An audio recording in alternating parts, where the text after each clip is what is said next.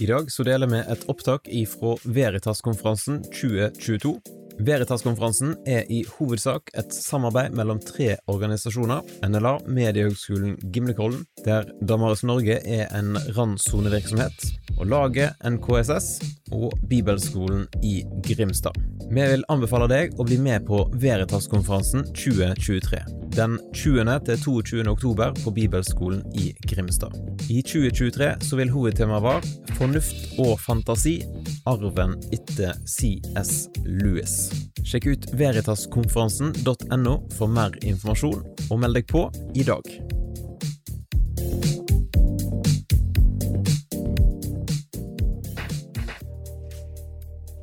Hvis Gud er død, hvorfor fungerer matematikken eh, så godt i møte med virkeligheten?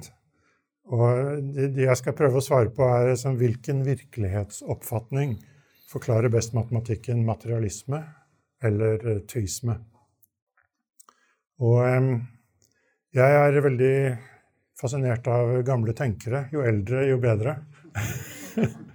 så Thomas Aquinas, 1200-tallet, han er en tenker som mange kan ha glede av å lese. og Jeg har i hvert fall hatt det. Han har en bønn før studium. Jeg tenkte jeg bare skulle lese den. Selv om du har bedt, så tar jeg den nå. Utsigelige skaper, med den ypperste kunst har du sammenføyd alle delene av universet. Måtte du, som er lysets og visdommens sanne kilde, skinne en stråle av din klarhet inn i mitt sinns mørke og drive bort syndens og uvitenhetens doble mørke som jeg ble født i. Du som er sann Gud og sant menneske og lever og hersker i all evighet. Amen. Bønn før studium. Det som jeg skal snakke om her altså det er ikke, Jeg skal ikke vise mye matematikk. Men eh, liksom mer snakke om det som ligger bak matematikken. Og dette er en del av på en måte sannhet, godhet og skjønnhet, som, som klassisk kalles for tre, de tre transcendentaler. Altså tre verdier som på en måte ligger utenfor oss som mennesker, og som har en viss grad av sånn objektivitet eh, i seg. Um, og eh, vi kan på en måte Jeg tror de er eldre, jeg tror de er fra gresk tid, men i hvert fall var viktig i middelalderen også. Og vi kan til en viss grad finne dem i et vers som Filipperne 4,8, hvor det står alt som er sant, der har vi sannheten. Og edelt, rett, er jo godheten, kanskje. Alt som er verdt å elske og akte. Alt som er til glede, alt som fortjener ros, legg vind på det. Så det er en delvis sånn eh, begrunnelse for de tre transcendentalene. Og eh, vi kan eh, vi kan jo si mange ting. Det, er mange temaer som kan komme opp i denne forbindelsen.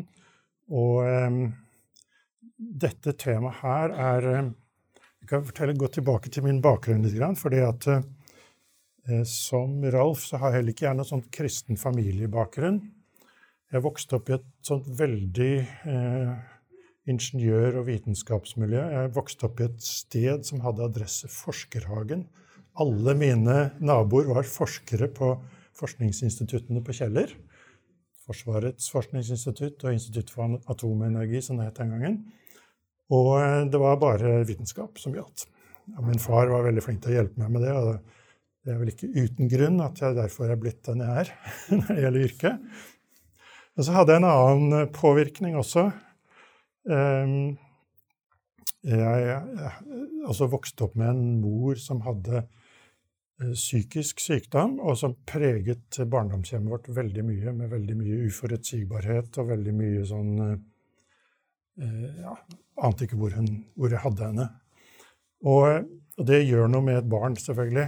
Eh, og, men det det gjorde med meg, var i hvert fall at jeg skjønte at uh, det er noe galt med mennesket. Det er noe som ikke stemmer. Og eh, og at det er mye lidelse i verden. Jeg skjønte det ganske tidlig som tenåring. Og det, på en måte, det, det, kan føre til fortvilelse og nihilisme og jeg vet ikke hva. Men for meg så beredet det på en måte grunnen for evangeliet.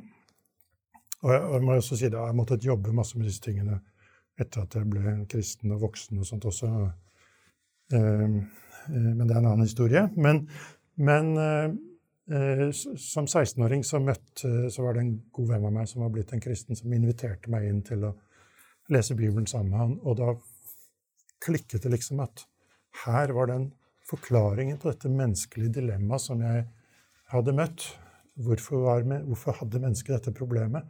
Så at ja, Bibelen hadde det beste svaret. Og, og, jeg tok imot Kristus etter hvert. Så, eh, men ut fra dette, som, som 16-åring var dette, men ut fra dette så er liksom da den vitenskapsdelen, den materialistiske vitenskapsdelen, altså den åndelige eh, kristne påvirkningen. Og så har dette vært mitt liv siden. Men så har jeg alltid lurt på liksom, hvordan kan du eh, Hvordan kan du forklare at det fins noe mer enn natur og det fysiske og naturlover til en som ikke tror på Gud? Fins det noen måte å antyde at det fins noe mer enn natur og naturlover? Og dette jeg skal dele her, det er det svaret. For det er mange sånne små svar på det, men matematikken er ett av dem. Da. Det kunne vært noe annet.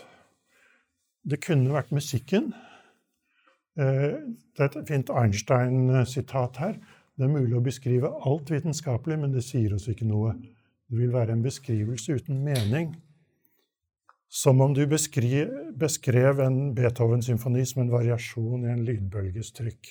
Så her har vi de to forklaringene, en sånn materialistisk forklaring. Og så gjør musikk med noe, noe, noe, med oss som på en måte nesten er uforklarlig. Enten lydbølger eller, eller kunst. Så jeg kunne holdt et foredrag om eh, hvis Gud er død, hvorfor fungerer musikken? Men jeg er ikke forberedt for å holde det foredraget. så jeg skal gå til noe annet i stedet.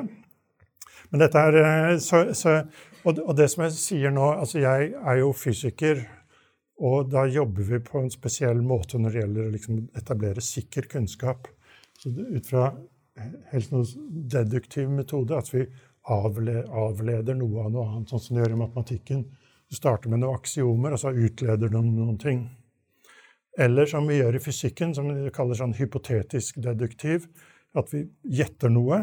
Eh, Richard Feynman, nobelprisvinner 1964, sier spiller ingen rolle hvor vakker din gjetning er, din hypotese. Spiller ingen rolle hvor smart du er som gjettet, eller hva du heter. Hvis det ikke stemmer med eksperiment, er det feil. Så det er annerledes enn matematikken. Vi kan ikke bare utlede noe, vi må også utlede noe som faktisk stemmer med virkeligheten. Så det er en sånn begrensning, da. Og det jeg skal snakke om i dag, er ikke naturvitenskap på den måten der. Og det er heller ikke sånn som kalles induktiv, at du har noen få eksempler, og så gjetter du at generaliserer fra eksempler.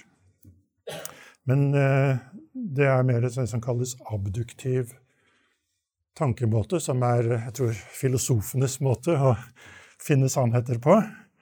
Altså at du har masse fakta, og så prøver du å finne hva er det som matcher best til å forklare det.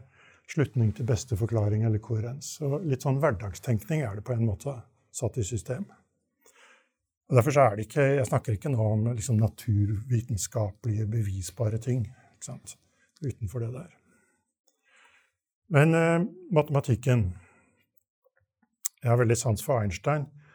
Han var ikke en kristen, men han var en ganske filosofisk skolert. Han har en del filosofiske utsagn som jeg syns er ganske dype. Han sier at verdens evige mysterium er at den er forståelig. Det faktum at den er forståelig, er et mirakel. Um, dette er en mann som har levd hele livet sitt på å komme med en generelle relativitetsteori som forklarer universet, kosmos, på en dypere måte enn noen andre eh, kunne gjøre. Han bruker matematikk. Men at den er forståelig, det er mystisk for ham. Det er et mirakel. Han fikk nobelprisen på å bruke et verktøy som var et mirakel. Og eh, Galilei han sier også at universet er skrevet i matematikkens språk. Da er vi tilbake på 1500-tallet. Det var folk som beskrev ting, Kepler bl.a. før ham, men eh, Galileo var mye flinkere til å formulere sånne statements. og hva er, det, hva er, det, jeg mener med matematikk? Jeg mener ikke sånn to pluss to er fire.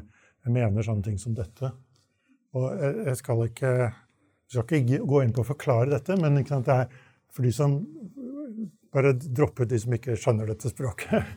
Det er omtrent den eneste sliden som er sånn. Det er gravitasjonsloven til Newton. Det er Maxwells lover som beskriver altså, elektromagnetiske felter, radiobølger, hvordan de fyker av gårde. Det er eh, spesielle relativitetsteorien, hvordan tiden forandrer seg når ting går veldig fort. Det er generelle relativitetsteorien, og så er det kvantefysikkens Schrødinger-ligning, hvordan det er sånn usikkerhet til hvor partikler er. Så er det ja, Bernoullis ligning. Så det, det, den type ting. At, at vi kan beskrive f.eks. av denne ligningen så kan det utlede bing bang. Altså, det er bare så enkel ligning som dette her. Det var det Friedmann og Lemaitre gjorde på 20-tallet. Og så observerte man ting som stemte med det. Så eh, En annen som har sagt noe lignende, som Einstein, det er Eugene Wigner, nobelpris 1963. Sånn ungarer-amerikaner. Eh, jeg er nesten sikker på at han er jøde, som den typen som rømte fra Europa i sånn 1940, litt før. Eh, den enorme nytten av matematikk i naturvitenskapen er noe som grenser til det mystiske. Og det er ingen rasjonell forklaring på det. At, mat at matematikkens lover passer for å uttrykke fysikkens lover, er et mirakel og en vidunderlig gave som vi verken forstår eller fortjener. Og da, Dette skrev han i 1960 i en artikkel som heter 'The Unreasonable Effectiveness of Mathematics in the Natural Sciences'. Han har sin egen Wikipedia-side. Det er en veldig fascinerende artikkel å, å, å, lese. Han har ikke noen forklaring. da. Han sier det er ingen rasjonell forklaring. Mystisk, mirakel, vidunderlig gave. Eh, så, så han, han, sier det samme som eh, Einstein, bare kanskje enda litt undrer seg enda mer. Og Einstein sier noe mer også. Han sier troen på en ekstern verden, uavhengig av den som observerer, er basis for all naturvitenskap. Og så sier han noe interessant. Det er et trosanliggende at naturen, slik den er synlig for våre fem sanser, er et slikt velformulert puslespill. Vitenskapens suksess gir riktignok en viss oppmuntring til denne troen. Eh, altså, vi må tro at naturen er sånn. Og så er det en slags induksjonsbevis, tror jeg, her. Vi setter så mange ganger at vi har grunn til å tro at det gjelder hele tiden. Så, men jeg, jeg tenker at uh, det er en slags spenning her. En slags spenning mellom dette med at verden er utenfor meg, den er objektiv. Naturen og verden er rasjonell, altså forstå, mulig å forstå og at vi mennesker er utrustet til å forstå den. Det er en spenning mellom det som de bygger på, og også det som de observerer med det verktøyet de bruker. Det er mystisk. De har ingen rasjonell forklaring. Det er et mirakel. De verken forstår det eller fortjener det. Så det er liksom det paradokset i verktøyet er magisk eh, for å beskrive denne naturen. Og hvordan kan vi forstå dette? Kanskje Altså, de har ikke noen forklaring, men, men eh, det som eh, var nøkkelen for meg til å forstå noe av det, det var en eh, filosof, tror jeg han vel er, eller matematiker, filosof, eller hva det er, som heter Gottlieb Frege, som får fram eh, hvordan det finnes flere typer objekter. Eh, og han eh, snakker om Jeg er ikke den eneste som snakker om dette, men jeg syns hans forklaring var bedre enn andre jeg hadde sett. Men mm, det er fra 1917. Han sier at det finnes fysiske objekter. Det, det er det som er lettest å fatte. En stubbe. Det er et fysisk objekt. Den eksisterer i rom og tid. Eh, den er forårsaket av noe, og den kan være årsak til noe. Um, og dette er natur, på en måte. Og når vi snakker om fysikalisme utover naturalisme, snakker vi ofte om også felter, elektromagnetiske felter osv., så sånn som ikke vi kan se, men som vi allikevel håndterer i fysikken. Så Det er en type objekt. Og så fins det en annen type objekt som, eh, som kan kalle følelser eller sanseinntrykk eller ønsker, som er noe som, eh, som eksisterer inni vårt menneskelige sinn, og som eh, som er privat. Vi kan, altså, om jeg føler smerte sånn der, så føler ikke noen av dere andre smerten. Dere kan føle medfølelse, men det er noe annet. Dere føler ikke min smerte. Jeg kan ikke dele den. Den er min. Og hvis jeg sparker foten i stubben, så får jeg smerte, men dere deler den ikke. Og så sier, uh, sier Frege at det, det fins en tredje kategori. Han kaller det for tanker, ideer eller forestillinger. Og der putter han bl.a. som kalles abstrakte objekter. Det er bare satt opp noen eksempler mot matematikken. da. Matematikken er på en måte det mest sånn enkleste kanskje å forstå av disse abstrakte. 42 er visst et tall som det er noe spesielt med, har jeg skjønt. Så jeg tok det. Og så pi, 3,14159 osv. Eller uendelig, om du vil. Det er eksempler på sånne Altså, de eksisterer ikke i rom eller tid, sånn som fysiske objekter. De er ikke forårsaket av noe. De kan heller ikke være årsak til noe. Men de er heller ikke, så de er ikke fysiske, men de er heller ikke sånn som smerten når jeg sparker i en stubbe, fordi at eh, de er felles for alle. Det er ikke privat for meg. De eksisterer i sinnet, men sannheten deres er uavhengig av mitt sinn. Så dette er en tredje kategori. Og det, det er eh, Eh, dette var en sånn Da jeg skjønte dette Dette var kult, for det her forklarer jo hvorfor det finnes ting som er ikke-materielle og ikke-fysiske. Men det har ikke noe med Gud å gjøre. Det, ikke, det, forklares ikke med Gud uten videre. Men dette er jo ting som vi forholder oss til eh, ja, Kanskje ikke alle seg, forholder seg til pi og uendelig, men kanskje 42 noen ganger, da. Som, som er der hele tiden, da. Så, så, det er abstrakte objekter, matematiske objekter, universaler kalles det, eller i hvert fall en del av det. Så, ja, så her er noen eksempler. Og pi e, for de som vet hva det er, 2,7 1828, har med logaritmer å gjøre. Haltederiverte. Tenk på den der. Jeg jobber med haltederiverte, så jeg bare måtte ha haltederiverte. Men eh, pi er interessant fordi at denne kineseren, Zhu Chongqi, 429 til 501. Han fant pi med tre, seks, åtte desimaler. Og det er lett å tenke pi, ja, det har noe med sirkelen å gjøre, det deler omkretsen på diameteren. Men, eh, så, det, er jo noe konkret. Men, eh, men, eh, du får ikke mer enn kanskje to-tre siffer på den måten. Dette her, når du, når du liksom tar, Nå har vi jo millioner av siffer på den liksom det konkrete, eller det abstrakte tallet der, det får du ikke ut fra noen måling. Da. Så, eh, så, for å litt om oppsummere det Er pi eller 42 et fysisk objekt? Nei, det er abstrakt. Det eksisterer ikke i rom eller tid. Har aldri vært årsak til noe. Kan ikke være fysisk, som en stubbe. Er ikke andre kategori, følelses-sanseinntrykk, for pi eksisterer i seg selv uavhengig av vårt sinn. Det er i den tredje tanker, ideer eller forestillinger. Her finner vi pi. da. Gottlob Frege, 1918. Og denne, denne artikkelen der er interessant fordi at eh, Jeg skal gi referansen på slutten. Men eh, det finnes en eh, amerikansk filosof som heter Edward Feser, katolsk filosof, som startet som ateist. Og så gjennom, hvis jeg forstår det riktig, så tror jeg gjennom filosofistudiet så ble han en kristen. Og han sier det at å lese den artikkelen var første skritt for ham fra, på, veien fra ateisme. Da han skjønte at det var noe utover det, utover natur og fysikk. Eh, altså denne tredje kategorien her, da. Så det, det, er nok en spesiell vei til Gud. Men det er også en vei til Gud, ikke sant? Så, og jeg har en kollega som jeg nettopp hørte foredraget faktisk, på Universitetet i Oslo. Jeg aner ikke om han er kristen eller ikke, men det, det er ikke egentlig poenget her, men han sier i Stanford Encyclopedia of Philosophy, Øystein Lindeboe, som jobber med matematikkens filosofi Så Hvis dette synet er sant, så stiller det spørsmål ved ideen om at virkeligheten bare består av det fysiske. Hvor det medfører at virkeligheten går langt utover den fysiske verden, at den omfatter objekter som ikke er del av den kausale, altså årsak-virkning, rom-tid-verden som de fysiske vitenskapene studerer.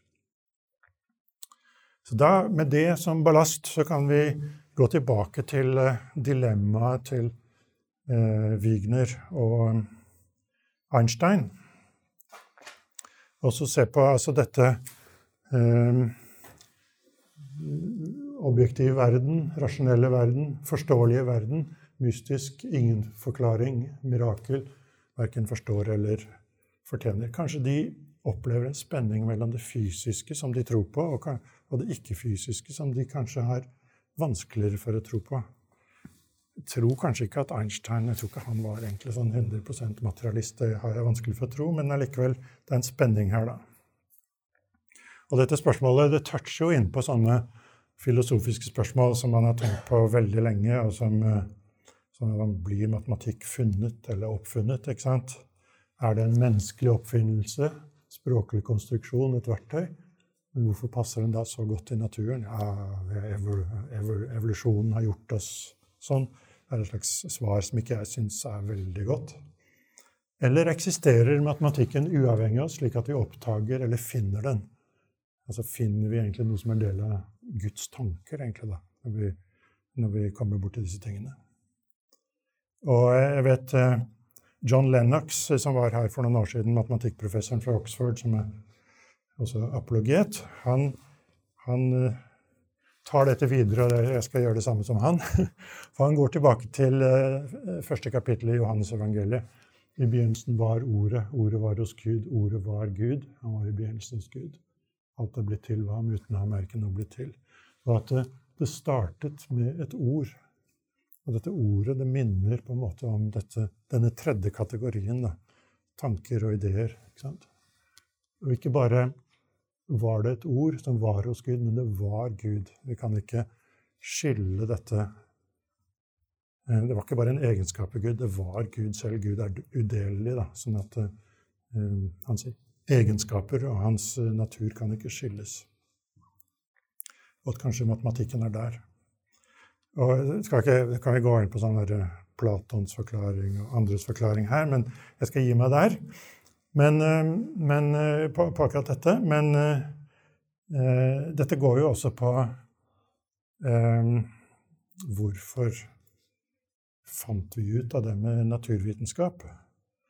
Og eh, C.S. Lewis har et veldig fint sitat som jeg syns summerer opp veldig mye. Han sier om vitenskapshistorien at menneskeheten ble vitenskapelig fordi de forventet lovmessighet i naturen, og de forventet naturlover fordi de trodde på en lovgiver. Sånn, egentlig er det absurd å tro på naturlover hvis du ikke tror på en lovgiver. Da må du nesten kalle det noe annet enn lover. Vi har jo ikke lover eh, i samfunnet vårt uten at det er et eh, storting eller en lovgivende myndighet som, som gir oss dem. Eh, Kepler, eh, han som fant ut av eh, ta det først, han som fant ut av de elliptiske banene for planetene, og noe med hvordan hastigheten er stor når det er nær sola, og mindre når det er lenger vekk. Også sammenhengen mellom omløpstid og avstand, at det lå på en rett linje hvis du skalerer disse aksene riktig. Han sier jo også at formålet med alle undersøkelser av den ytre verden bør være å oppdage den rasjonelle orden og harmoni som er pålagt den av Gud, og som han åpenbarte for oss i matematikkens språk. Det er et matematikkutsagn som er før Galileo, egentlig. Um, så, så, Kepler han er mye klarere enn uh, en Wigner og, og uh, Einstein på hvorfor matematikken fungerer så godt. Fordi det den, har noe med den rasjonelle orden og harmoni som, som er pålagt verden av Gud. Han sier også at disse menneskene ligger innenfor den menneskelige ånds rekkevidde. Gud ville at vi skulle erkjenne dem da han skapte oss i sitt bilde, for at vi skulle ha del i hans egne tanker. Så I det forrige så forklarte han på en måte hvorfor verden er rasjonell, og vi kan forvente lovmessighet. Her også vi er skapt i hans bilde for å ha del i hans tanker. Det er derfor vi kan forstå dem, fordi vi er skapt av Gud, den samme som har skapt eh, naturen og naturlovene. Eh, så mange tidlige naturforskere eh, har utsagn av den typen. Dette er et litt lengre utsagn fra, fra, Newtons Principia fra 1687, i andre utgaven i 1713. Hun sier at det er sikkert at denne verden med en så vakker variasjon i former og bevegelser ikke kunne oppstå fra noe annet enn den fullkomne, frie viljen til Gud som sørger for å styre alle ting. Det er naturlovenes opphav. Og så sier han videre ja, eller kommer videre fra denne kilden er det at de lover som vi kaller naturlover, har strømmet. Det er naturloven sa på. I dem er det mange spor av de klokeste råd, og ikke den minste skygge av nødvendighet. Disse må vi derfor ikke utforske ut fra usikre formodninger, men lære dem fra observasjoner og eksperiment.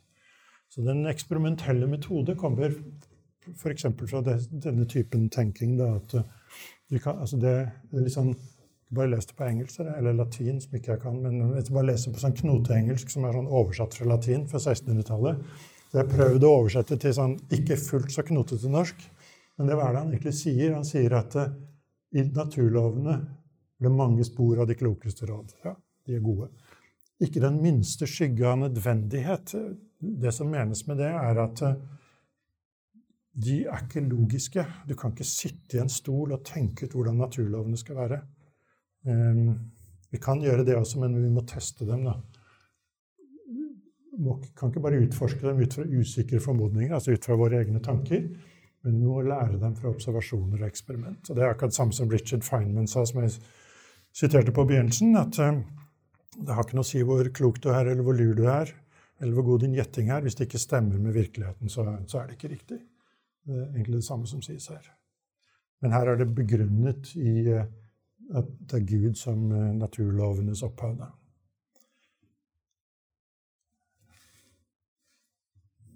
Så um, eh, Ja, hvorfor har jeg han? James Clerk Maxwell. Ja, det er vel Maxwells ligninger. um, han regnes for den um, største fysiker mellom Newton og Einstein og den best bevarte hemmelighet, fordi de fleste har hørt om Newton, og de har hørt om Einstein, men ikke hørt om Maxwell. Men uh, hans, uh, er hans formler. Den er så berømt at de kommer på T-skjorter. Fordi dette, som jeg sa, dette er formlene for radiobølger, men det er også formlene for lys. Så Derfor er det noen som har satt dem inn And God said And then there was light. Dette er første Mosebok i Maxwells eh, språk. Og som dere skjønner, jeg har den T-skjorta, men ikke på meg i dag, da. Ja, så det er basis for mobiltelefoner, basestasjoner, alt mulig trådløs kommunikasjon er beskrevet av disse ligningene. Tro, tro det eller ei. Så han viste bl.a. at lys og radiobølger var samme sak. Det var ikke klart før han gjorde det. Eh, James Clark Maxwell han, eh, han eh, På slutten av sitt liv Han levde ikke veldig lenge. Han levde til han var 48. Han fikk noe kreft. Men på slutten av sitt liv så ledet han på Cambridge University det som kalles Cavendish Lab. Og Der har jeg selv vært, på den gamle laben, og så tatt bilder. Dette var inngangen på den gamle laben. Her står det 'Magna opera domini equisita in omnes voluntates e-, eius'. Nå, hvordan det, står det til med latinen her? Dårlig. Jeg må si at det gjør det hos meg òg. Men det er dette. Salme 111, 111,2. Herrens gjerninger er store, alle som elsker dem, grunner på dem. Så Maxwell så tydeligvis på sine, sin gjerning som å utforske Herrens gjerninger ikke sant? og finne disse lovene, blant annet. Og um, det fins flere sånne uh, minner i, i, naturvitenskapen etter dette grunnlaget. Dette er um, et seil som jeg går ut fra at dere heller ikke skjønner. Sed omnia disposviti Hysti, eller hva det er. Dette er et vers fra en av apokryfene. Du har ordnet alt etter mål og vekt og tall. Den eh, katolske kirke har det i Bibelen, vi har, protestanter har det vanligvis ikke. Da. Men, eh, men det er altså fra noen få århundrer før Kristi tid. Ble sitert veldig mye i middelalderen som en, som en begrunnelse for hvorfor Gud hadde naturlover. Det det stjernebildet Vekten og Libra som er her. Men det interessante er at dette er seilet for British Association for the Advancement of Science et våpenskjold fra 1937 som heter nå British Science Association. Så det viser altså Her har de bevart den veldig kristne basisen for, eh, for naturvitenskapen. Det er en norsk naturforsker også, som nesten ingen har hørt om, som skrev denne boken, 'Det daglige livs kjemi', i 1899. Annet opplag. Peter Våge. Han er, var fra Hidra. Jeg husker ikke om det er Farsund eller Egersund, men det er sikkert noen som vet det her. Flekkefjord ja, Tabbe. Men han sier altså her alle kjemiske forbindelser har altså en uforanderlig bestemt sammensetning, en lov som allerede finnes uttalt i Salomos visdomsbok med de ord Alt har Gud innrettet etter mål og tall og vekt. Det samme, samme verset. Han står der. Eh, han står for den eneste norske naturlov som vi regner med massevirkningsloven, Gullberg Våges lov. Um, som er en sånn likevektslov i kjemien. Professor i matematikk, og han selv var professor i kjemi. da. Han, eh, dette, dette, verset det hadde han skrevet i professorkontoret sitt i Oslo, i taket. Det er borte nå, men det skulle jeg gjerne likt å sett. men det uh, fins ikke lenger. da. Han døde jo da i år 1900. Han var også med å starte det som nå er uh, KFUM, KFUK. Men eh, naturlover, matematikken, det det har en sånn veldig begrunnelse i, i, eh, i, denne regelmessigheten som Gud har lagt i naturen. Og moderne filosofer, i hvert fall noen, ser det at uh, naturlover uten lovgiver er et slags paradoks. En som heter Nancy Cartwright, uh, vitenskapsfilosof, som sier at jeg syns at i konseptet lov er det litt for mye av Gud. Når det kommer til stykket, gir begrepet lov ikke mening uten antakelse om en lovgiver. Hun vil lage en naturvitenskap som ikke er basert på lover, men um, basert på litt andre ting.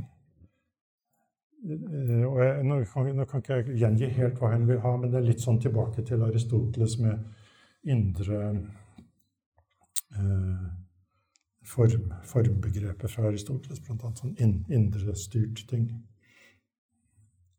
Så eh, det er et paradoks i moderne naturvitenskap at vi har forlatt lovgiveren, og så har vi bare lovene igjen. Og så er det noen, sånn som henne, som ser at ja, men dette gir jo ikke mening. Så eh, det Vi ser det også på andre ting. Vi ser det når det gjelder eh, noen sånne fysikere, teoretikere, som snakker om multivers. Og eh, også når du snakker om den Den heter denne modellen for de aller minste partiklene. Som kan begynne å snakke om at det er så matematisk elegant at vi trenger ikke observasjoner lenger for å si at det er sant. Da, da mister vi basisen i det som har vært naturvitenskapens eh, Eh, store styrke gjennom flere hundre år. At ja, vi har teorier, vi tenker ut teorier, men hvis de ikke stemmer med virkeligheten, så er det ikke virkelig. Og så gir man opp litt det, fordi at vi gir opp lovgiveren, og da gir vi opp litt sånn at lover skal stemme virkeligheten, er min tolkning, da. Så lover uten en lovgiver. Og eh, Einstein, som jeg har sitert mange ganger nå, men han sier noe av det samme. Den som er grundig overbevist om at loven om årsak og virkning opererer universelt, kan ikke et eneste øyeblikk holde på ideen om et vesen som blander seg inn i hendelsesforløpet. Så Einstein sier veldig mye bra, men her er han veldig klar på at det kan ikke ha noe Gud som holder på. For lovene står over Gud på en måte, og et vesen som blander seg inn. Det er en sånn uforutsigbar greie som forstyrrer naturen. Det kan vi ikke ha. Så Einsteins gud var jo en veldig fjern gud, sånn deistisk, panteistisk gud. Og han har ikke liksom Da gir man opp en idé fra middelalderen, som bare illustrerer her med katedralen i Chartres, altså i Nord-Frankrike, hvor eh, eh Guillaume de Conche, eller eh, William Conches, og senere også Thomas Aquinas er veldig klart på det som at det fins primære og sekundære årsaker. At ja, Gud er årsaken til alt som fins, men, eh, men, han blander seg ikke nødvendigvis opp i at han, altså han har satt i verk naturlover som er sekundære årsaker til at ting skjer, men, men blander seg ikke nødvendigvis inn i dem. Her er det liksom eh, Hvis Gud her er det blandet primære og sekundære årsaker. Hvis Gud finnes, så må han jo blande seg inn i alt mulig, og det blir bare rot. Og det blir det jo. Det er feil gudsbegrep da, han opererer med her. Så for å eh, komme litt tilbake Det viktigste utsagnet i Gammeltestamentet ifølge Kepler da, La oss lage mennesker i vårt bilde så de ligner oss. Gud skapte mennesket i sitt bilde i Guds bilde, mann og kvinne. Og vi ble formet av støv fra jorden, ja, akkurat som evolusjonsteorien sier. Men Gud blåste livspust i nesen på oss, og mennesket ble en levende skapning. Så vi har både fra naturen og fra Gud, eh, som er noe av det som gjør at vi kan tenke Guds tanker om igjen et, etter Gud, og, og, forstå noe av dette her. Og matematikken er bl.a. vårt uh, verktøy for det. da. Så da, hvis jeg ser på min uh, tabell igjen hvordan skal vi få det til å gå opp? Den objektive verden, den rasjonelle verden, den forståelige verden. Vel, hvis vi er skapt av Gud som er utenfor naturen, så gir det mening til at verden er objektiv. Hvis, vi, hvis også Gud er et rasjonelt vesen som har innrettet ting etter lover, så gir det mening til at naturen følger lover. Og hvis vi er skapt i Guds bilde, så gir det mening til at vi kan forstå den. Så da eh, det er min Dette vil jeg gjerne si til Einstein og Wigner. Jeg vil at de skal høre på Kepler og Newton og disse tidlige naturforskerne. Og, og um, vi har mistet dette konseptet med at det er Gud som står bak det et eller annet sted mellom 1600-tallet og 1900-tallet, eh, som, eh, som jeg syns er et stort tap. Så er det sikker kunnskap. Nei, det er ikke deduktiv kunnskap, som jeg sa. Det er ikke induktiv. Det er denne abduktive, da. Slutning til beste forklaring. Og bare for å illustrere altså Det er mange fakta her som tyder på at det kan være sånn. Eh, det er en bro i, i uh, Oslo som er flyttet fra Åmot. Denne brua her den er ganske langt nede på Akerselva. Jeg vet ikke, det er sikkert noen som har sett den. Men der står det 100 mann kan jeg bære, men svikter under taktfast marsj. Det er koherens. Altså Hvis alle går i takt, så begynner brua å svinge så mye at uh, den blir ødelagt. da. Men det er det som er uh, hvis jeg går tilbake her, det er det som er den abduktive tenkningen. At hvis det er mange nok argumenter som taler for samme sak, så blir det så sterkt argument at det virker sannsynlig. Det. Så koherensen, objektiviteten, rasjonaliteten, forståeligheten Vi er skapt eh, Vi er skapt i Guds bilde, rasjonelt vesen, skapt av Gud som er utenfor naturen. Og jeg kan bare avslutte med Hvis noen vil lese mer om disse tingene, så er to ting dere kan anbefale dere. Jeg kan anbefale Einar Duenger Bøen, har vært snakket om noen ganger på noen seminarer her. Han har en bok som heter 'God and Abstract Objects', som snakker om dette med abstrakte objekter, altså sånn matematikkting og sånn.